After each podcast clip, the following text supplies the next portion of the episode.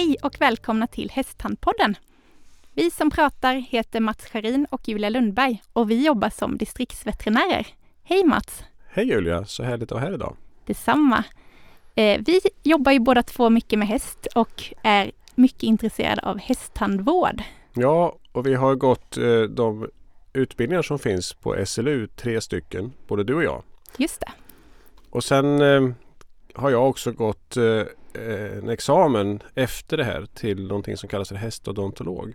Och vad innebär det? Ja, det finns 25 stycken hästodontologer i Norden så det är inte så många.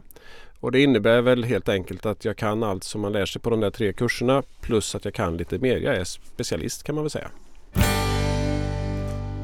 I dagens avsnitt ska vi prata om den äldre hästen. Många äldre hästar rids ju fortfarande och det blir fler och fler gamla hästar i landet. Eh, vad ska man tänka på Mats när man har en gammal häst? Ja, när de blir gamla så händer det ju mycket saker i munnen på dem eh, när det gäller tänderna. Och de kan få ganska många symptom som är relaterade till problem i hästens mun. Just det. Kan du ge några förslag eller några exempel ja, på vad man kan som hästägare se utifrån? Alltså vanliga saker som man brukar reagera på det är väl att den får lite längre ättid kanske. Den, den kan ha lite sämre aptit. Det kan komma ut eh, halvtuggade hövbollar i, bo i boxen eller i krubban. Men det kan också vara så att man får mer konkreta symptom på att det faktiskt finns inflammationer i, i tänderna och i skallen. Det kan rinna var ifrån näsan. Det kan lukta illa ur munnen. Just det. Man kan få sår på kinderna, i huden. Och det är ju ofta på grund av att det har kommit då en öppning inifrån ja. tanden. Så att ibland kanske man tror att man har fått ett yttre sår men så visar det sig att det egentligen är en fistel eller en kanal då som har öppnats ja, precis. upp från tandroten. Det kan också vara så att de, att de håller på att salivera mycket, dreglar. Ehm, till och med kan det ju utmynna på en gammal häst i att de får kolik återkommande. Just det. Allt det här kan alltså bero på problem i munnen. Dessutom kan man ju se viktnedgång, alltså att de tappar hull och blir tunna. Och eh, då har det ju ofta gått ganska långt. Så märker man att hästen har tappat i vikt så tycker jag definitivt att man ska göra en munhåleundersökning på den. Om man tänker på vanliga fynd Mats, som man gör när man gör de här munhåleundersökningarna, är det något speciellt där som man ser hos den gamla hästen? Ja, det är det ju därför att det händer ganska mycket när de blir äldre. Tänder kan sitta lösa. De kan ju till och med ha tappat tänder så att det saknas en eller annan tand i munnen på dem. Eh, tandrötterna är ju kortare och kortare ju äldre hästen är så att eh, det kan man också se att det kan fastna i mat emellan tänderna. Eh, sen de här emaljåsarna som ju är vassa och ska vara vassa under hästens levnad. De blir på en riktigt gammal häst faktiskt eh, helt bortslitna. Just det, eh, emaljen försvinner ju helt från tanden. Mm. Och då kan det vara svårt för dem att äta och tugga. Om man tänker på de här mellanrummen som du var inne lite på, diasteman som man också kallar dem. Vad innebär de för hästen och vad kan man se för problem där? Ja, i de här mellanrummen så packas det in foder och det leder till att man får inflammation och eh, tandlossning. Det här gör jätteont på hästarna. Så att eh, det påverkar dem ganska mycket när det gäller deras ättider. Om man tänker vidare på det här med mellanrum, varför uppstår det? Är det bara på gamla hästar eller kan även yngre hästar få det? Det kan finnas på yngre hästar också. Det är jättebra att upptäcka det här så tidigt som möjligt så att man har en möjlighet att eh, hålla efter och göra någonting åt det här.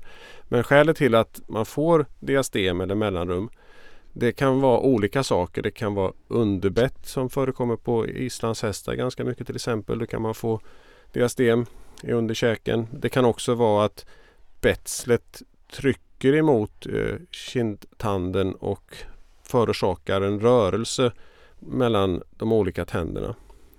Och när tänderna börjar flytta lite på sig så uppstår ju då de här mellanrummen och då när fodret fastnar så blir det ytterligare mellanrum och så blir det en ond cirkel kan man väl sammanfatta ja, det som. Ja, det kan man säga. Och det, återigen, det är jätteviktigt att kunna diagnostisera det här så att man kan hjälpa hästen att slippa den här smärtan. Och det är väl också en av anledningarna till att vi verkligen trycker på att man ska göra regelbundna munhåleundersökningar på de här gamla hästarna som kanske inte rids längre utan bara går skrota i hagen som man säger, men att man inte glömmer bort dem. Ja, för ingen hästägare vill ju att hästen man har och haft så länge ska ha ont i munnen. Utan det är jätteviktigt att göra regelbundna undersökningar av hästens mun.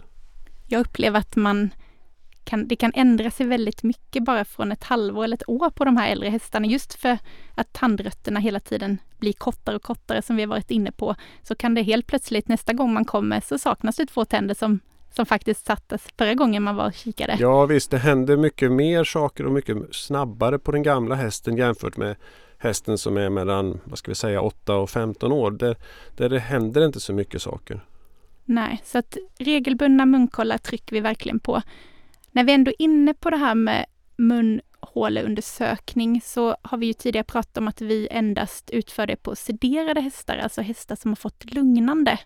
Och då vet jag att många djurägare är lite oroliga för det, speciellt på de äldre hästarna, för man är rädd för att de kanske ska må dåligt av det här lugnande. Men vad säger du om det Mats? Ja, vår erfarenhet är att det går alldeles utmärkt att ge även riktigt gamla hästar lugnande medel. De klarar det bra och eh, vi ser inte några negativa effekter på hästarna.